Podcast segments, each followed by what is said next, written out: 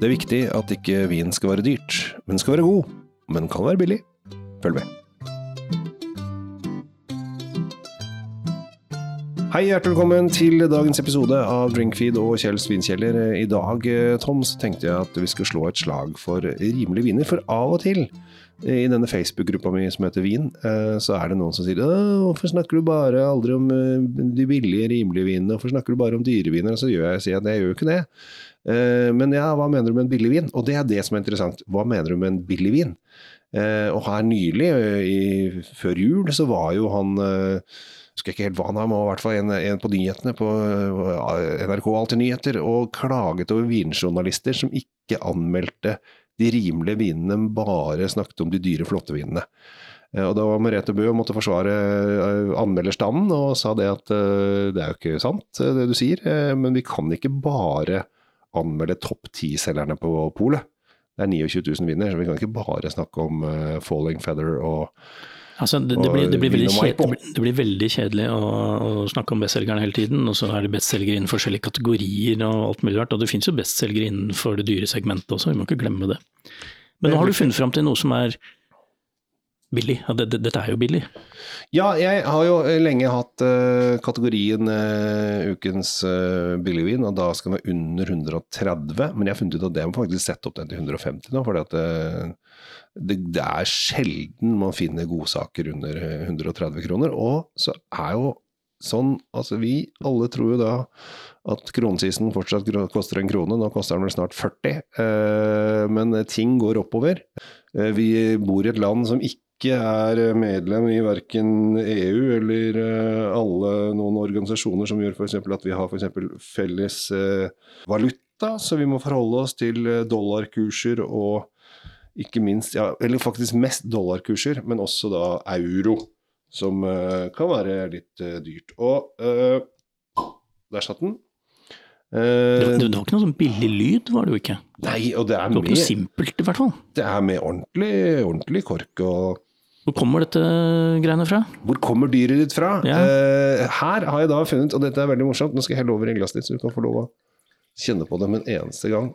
Her er det da, for det første så syns jeg det er veldig gøy, for det er en drue som er uh, ganske ukjent. Det er, druen heter Pais. Um, det er en drue som kom uh, Stort sett dyrkes i uh, Sør-Amerika, Chile og Argentina.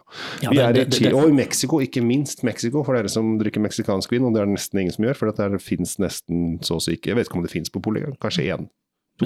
Vet ikke, jeg, jeg, jeg, så det for noen år siden, men jeg har ikke hengt meg opp i det. Pais er en drue som, som blir regna som en av de eldste i den nye verden. Åh, oh, Det er akkurat det den gjør, for den kom med conquistadorene på 1500-tallet. Så dette har vært eh, kjempelenge. Eh, og er eh, da kanskje Chile er kanskje de som er eh, best på denne paisdruen. Og NRK, eh, NRK sier jeg, jeg mener Vinmonopolet. Det, det er jo nesten det samme, Kjell Gabriel. Kongelig Norsk Vinmonopol hadde en satsingsområde på pais her i fjor der de ville ha inn noe pais i, i basisutvalget, og det har de fått inn. I forskjellige pris, pris, prissegment, og da har, har de da allerede fått inn denne her som da den aller billigste. Koster, hold på hatten, 116 kroner. Jeg holder på hatten. Det var, veldig, det var en veldig hyggelig pris, da. Ja. Uh, uten at jeg hadde verken luktet eller smakt på, på Nei, Det er spennende. Altså, har jo, jeg har jo drukket vin før, eh, og jeg syns dette her er helt klart verdt 116 kroner. Og det er spørsmål, syns du, som aldri har vært borti vinen, eh, om jeg har bomma grovt, truffet som passe, eller har rett og slett tatt en innertier? Eller en strike, som det heter i bowlingspråket. Altså På nesen så er det jo en helt klar uh, rød frukt. Altså Den er, uh, fremstår ikke med noen bærtoner, dette er frukten. Mm. Uh, den har en, en, ganske frisk, hyggelig fruktlukt, syns jeg. Ja, og så har den litt hint av noen kryddertoner. ofte når vin blir veldig billig, så blir det ofte saft. og det er det vi prøver å unngå her, men bare, bare de den er overraskende lett uh, i forhold til hva du forventer når du får nesen.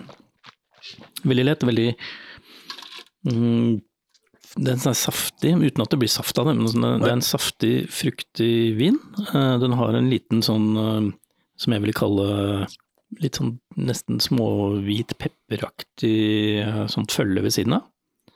Veldig koselig. Det er ikke noen kjempekompleksitet over det, men det, en, dette var vel en hyggelig vin. Dette her er, ja, dette er rett og slett uh, Dette er vinen du skal ha når du uh, står og lager mat, f.eks. taco. For eksempel. Ja. Eller, eller jeg tenker jo dette er jo en, når du går ut på, på terrassen etter en, en, på en sommerdag, så er dette en såpass lett vin som du kan drikke avkjølt og, og kose deg med. Uten, Dette er- uten, dette er nei, det, er, ikke noe mer enn det det er. Det, det, Nei, det er noe, det er- det er en hyggelig vin. Ja, eh, til 116 kroner så er det kjempefint. eh, og så er det Dette er rett og slett en litt sånn når du skal bare drikke litt vin. Altså når du ikke har noe, bare skal ha noe mens du holder på med noe annet, kanskje. Og sitte og smånippe litt i et eller annet. Ja, ha den i kjelleren, og er du i tvil om hva du skal Du har bare lyst på et glass vin, da. Og Ja. du har ikke lyst til å åpne de dyreste flaskene, og du har kanskje ikke Coravin-system som du kan bare kan tappe løs av i hytte og skvatt. Da burde du ha et par sånne i kjelleren. Men hva sier sier jeg, du? jeg, liker, jeg liker drua, jeg. Pais. Sier at den er ikke så kjent. eh, Den er veldig kjent i Chile. Du- Ja, altså det, jeg syns det er veldig gøy at vin, Kongelig Norsk Vinmonopol Jeg må alltid rette opp til Kongelig Norsk, eh, det heter jo ikke det, eh, men jeg liker å kalle det. At Kongelig Norsk tar oppgaven og gir det norske folk mulighet til å bli kjent med disse druene her. Absolutt, og særlig for den som er litt opplest, så vet man jo at den liksom superdrua i Chile er jo Carmener. Ja. Mens eh, Pais var den mest dyrkede inntil for noen få år siden, hvor eh, Cabernet Sauvignon overtok eh, den rollen. Men, men altså, dette, dette er en drue og en vintype som har satt sitt preg på hele Sør-Amerika. Jeg likte det, ja. Jeg likte den jeg også. Jeg syns du har truffet. Ser vi på prisen her, så får den jo full score på kvalitet kontra pris. Ja. Det er ikke tvil om.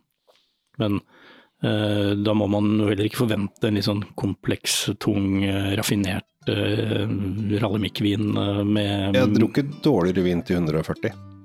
Jeg har drukket atskillige dårlige viner som koster mye mer enn det her. Ja. Hvis, men det er ikke noe målestokk, Denne vinen var ålreit, og Ja. god, og fin, og hyggelig pris. Med det så sier vi prøv litt eh, billig pais fra Chile. Det er ikke gærent, det. Nei, det er ikke gærent, det. Takk for i dag.